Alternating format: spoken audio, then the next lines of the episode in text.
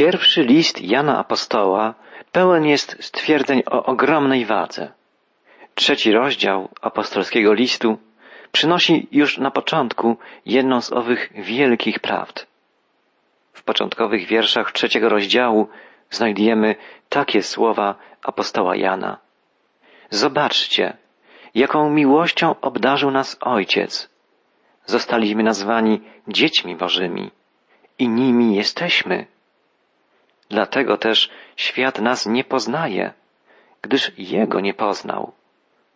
Umiłowani, teraz jesteśmy dziećmi Bożymi, ale jeszcze się nie ujawniło, kim będziemy. Wiemy, że kiedy On się objawi, będziemy do Niego podobni, ponieważ ujrzymy Go takim, jakim jest. Jan, pisząc swój list do wierzących ludzi, domaga się od swoich czytelników tego, by pamiętali o swoich przywilejach. To, że nazywają siebie dziećmi Bożymi, jest ich wielkim przywilejem i jest prawdziwe. To bardzo zobowiązujące określenie dzieci Boga. Chryzostom w kazaniu na ten temat, na temat wychowania dzieci, radzi rodzicom, żeby nadawali swoim dzieciom imiona postaci biblijnych i kształtowali w nich charaktery wielkich mężów bożych.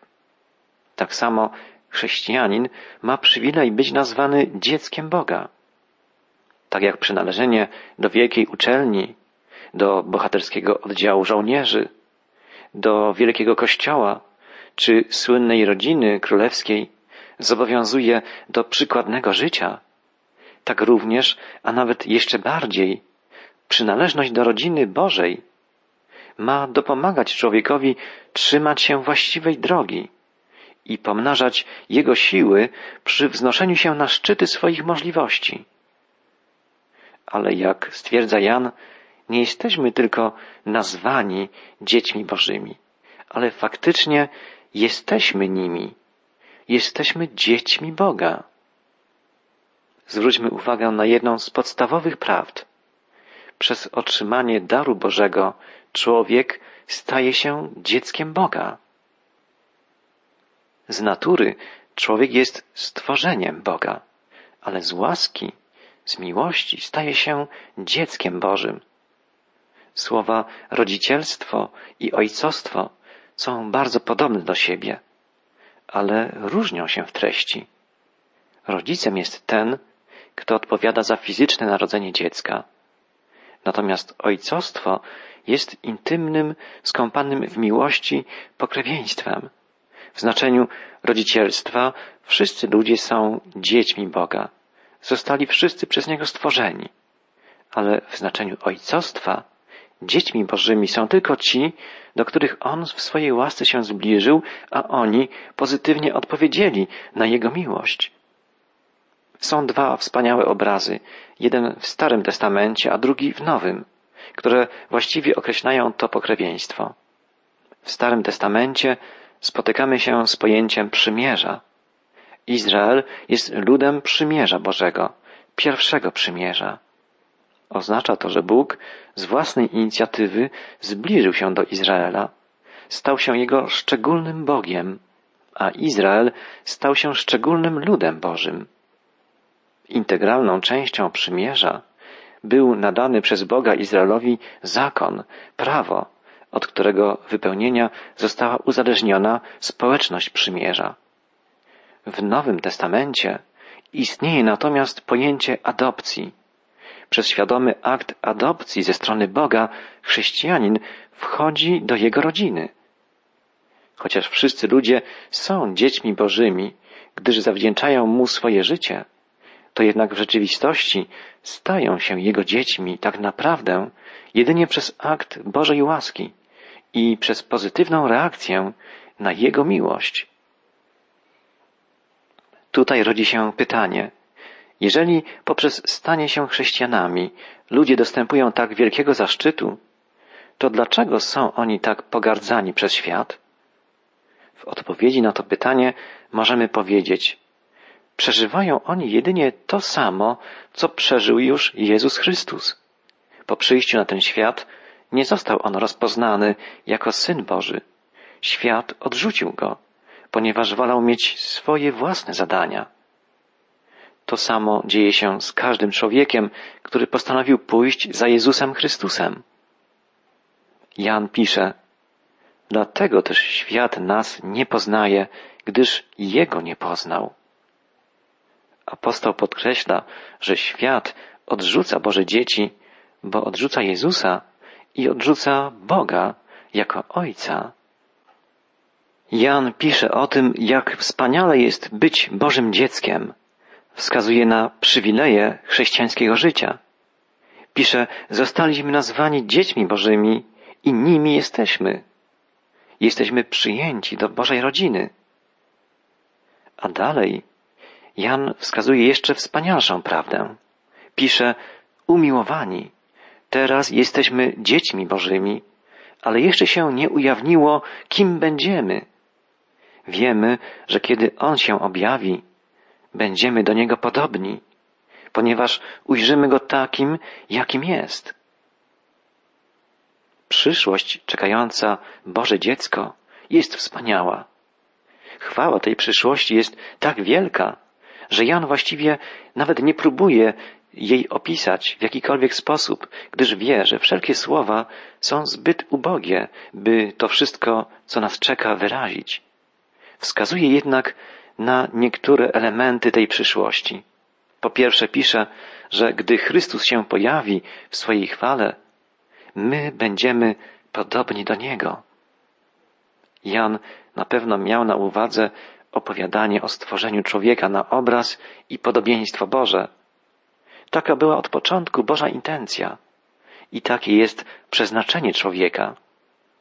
Spoglądając w jakiekolwiek lustro, przekonujemy się, jak daleko człowiek odszedł od tego przeznaczenia.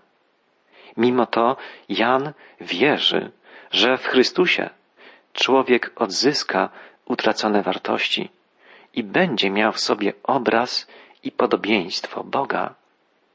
Jan jest przekonany, że jedynie poprzez dzieło Chrystusa w duszy ludzkiej człowiek może osiągnąć prawdziwe człowieczeństwo, takie jakie Bóg mu od początku przeznaczył. Po drugie, Jan zapowiada, że kiedy Chrystus się objawi, zobaczymy Go, będziemy tacy jak On. Ujrzymy Jego takim, jakim On jest i będziemy tacy jak On. Pragnieniem wszystkich wierzących jest oglądanie Boga. Celem wszystkich nabożeństw jest oglądanie Boga. Jednak wizja Boga nie może być jedynie usatysfakcjonowaniem intelektualnym. Jej celem jest upodobnienie nas do Boga. Mamy ujrzeć Boga, by stać się do Niego podobnymi. I tu spotykamy się z pewnym paradoksem. Nie możemy stać się podobni do Boga, dopóki Go nie ujrzymy i nie możemy Go zobaczyć, dopóki nie będziemy mieć czystych serc, ponieważ tylko czyści sercem Boga mogą oglądać. Tak nauczał Jezus w kazaniu na górze. Aby zobaczyć Boga, potrzebujemy czystości, którą tylko On może nam dać. Wizji Boga nie powinniśmy uważać za coś, co może być udziałem tylko wielkich mistyków. Istnieje opowiadanie o pewnym biedaku, który często wstępował do katedry, żeby się modlić i zawsze modlił się, klęcząc przed krucyfiksem. Ktoś zauważył jednak, że klęczący nigdy nie porusza wargami, jak gdyby wcale się nie modlił. Zapytany, co robi klęcząc, odpowiedział, patrzę na niego, a on patrzy na mnie. Taką wizję Boga w Chrystusie może przeżywać najprostsza dusza, najprostszy człowiek. A kto dosyć długo przygląda się Chrystusowi w sensie duchowym, wewnętrznymi oczyma, ten musi do niego się upodabniać. Zwróćmy uwagę na jeszcze jedną rzecz.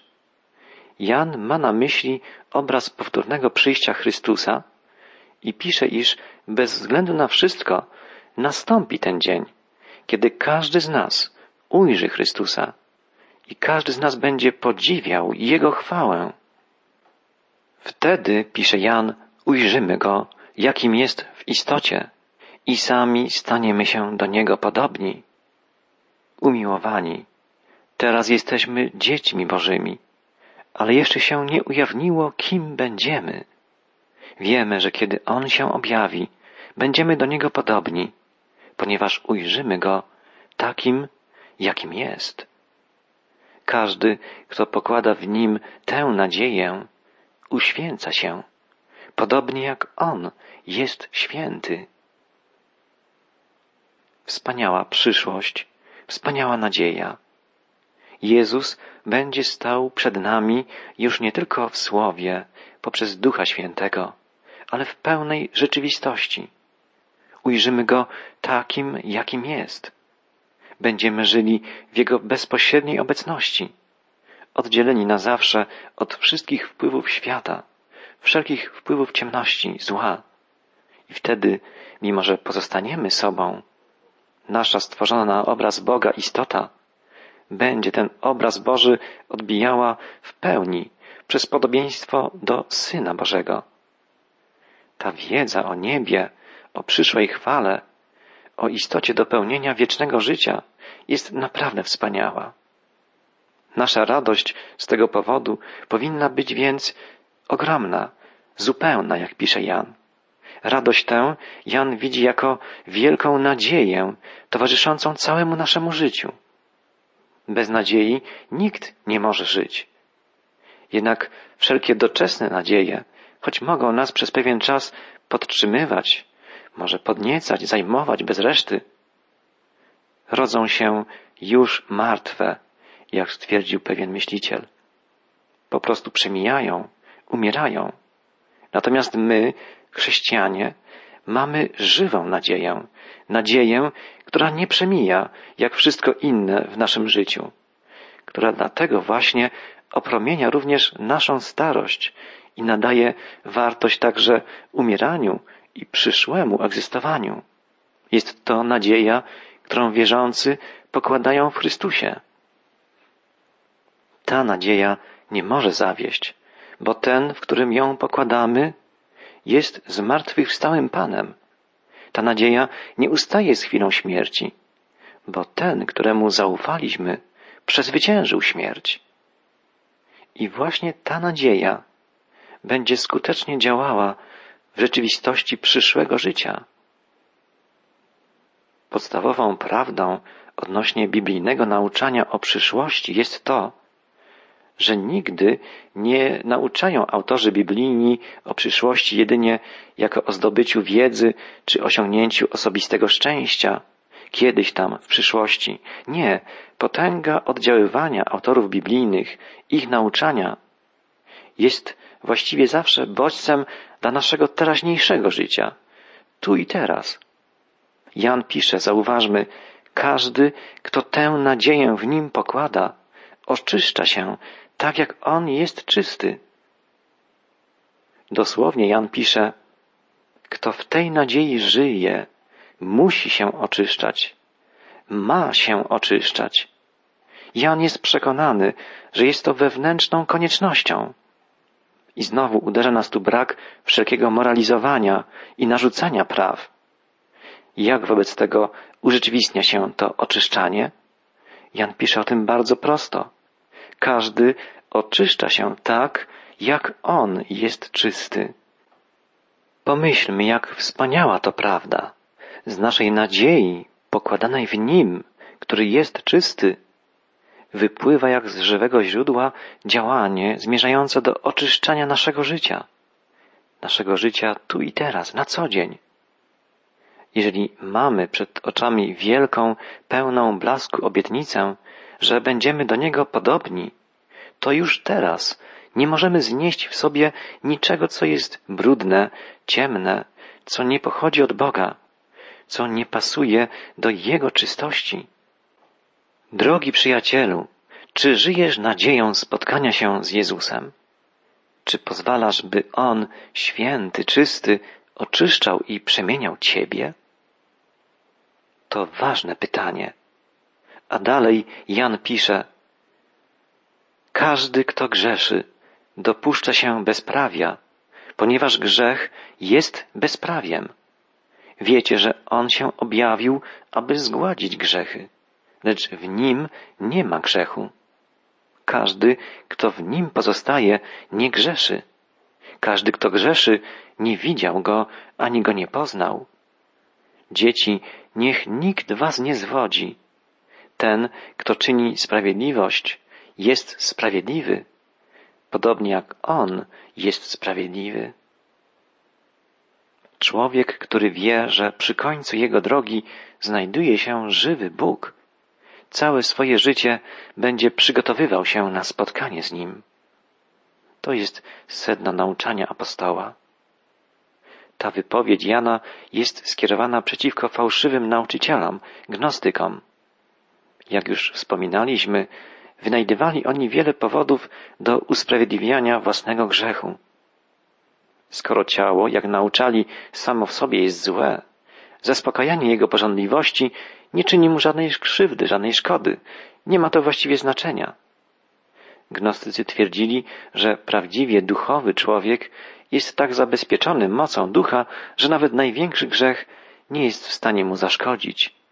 Ich zdaniem prawdziwy gnostyk ma obowiązek wznosić się na wyżyny i schodzić na niziny, by poznać zarówno dobre, jak i złe strony życia.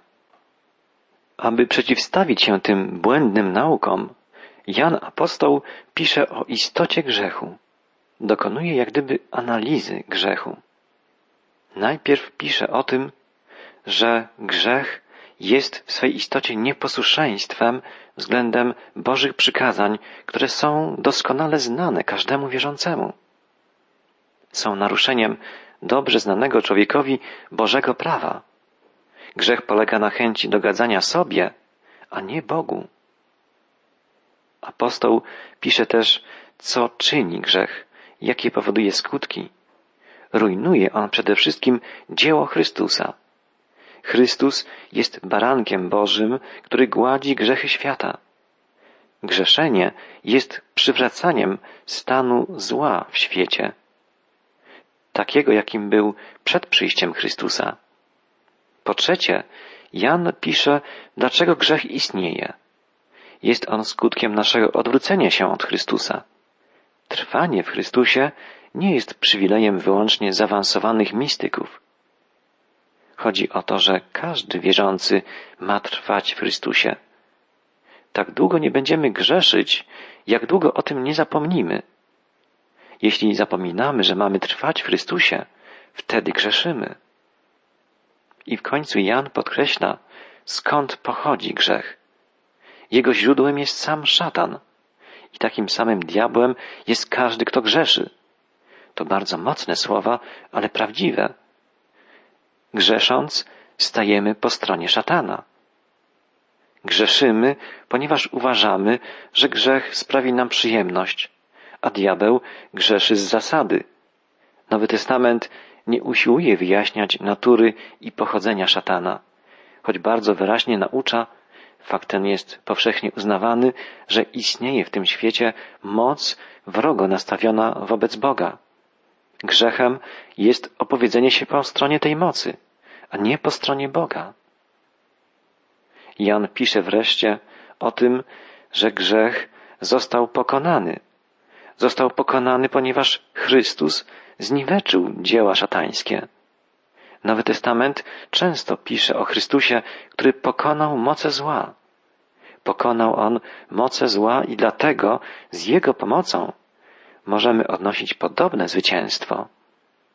Jest to możliwe, ale tylko wtedy, gdy moc Jezusa, moc zmartwychwstałego Pana przemienia nas, oczyszcza i prowadzi przez życie.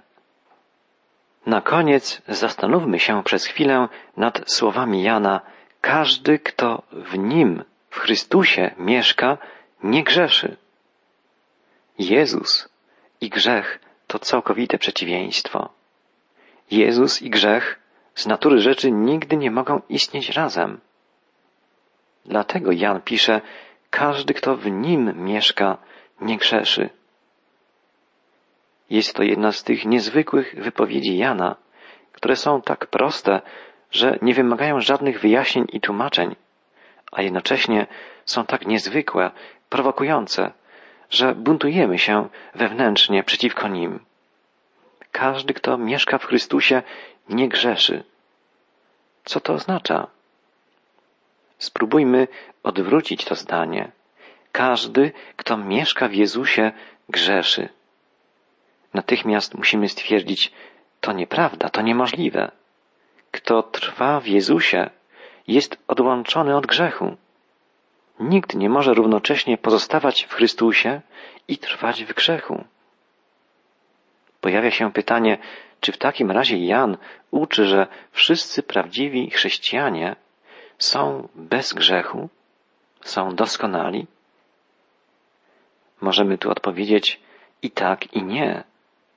Przecież Jan sam podkreślał wcześniej w swym liście, że nikomu nie wolno powiedzieć nie ma we mnie grzechu. Wyraźnie zachęcał do tego, by wyznawać swoje grzechy i że wtedy krew Chrystusa oczyszcza nas. Ale z drugiej strony to, że grzeszymy, sygnalizuje, że nie mieszkamy w Nim, w Chrystusie, tak jak powinniśmy, że nie tkwimy w Nim w pełni, z całym naszym ja, że powracamy znowu do swoich przyzwyczajeń, swoich pragnień, swoich rządz i wtedy grzeszymy. Drogi przyjacielu, trwajmy więc w Jezusie. Pozwalajmy, by Duch Chrystusowy prowadził nas na co dzień.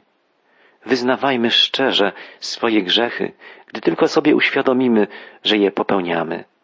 A wtedy będziemy mieszkać w Nim, naszym Panu i Zbawicielu.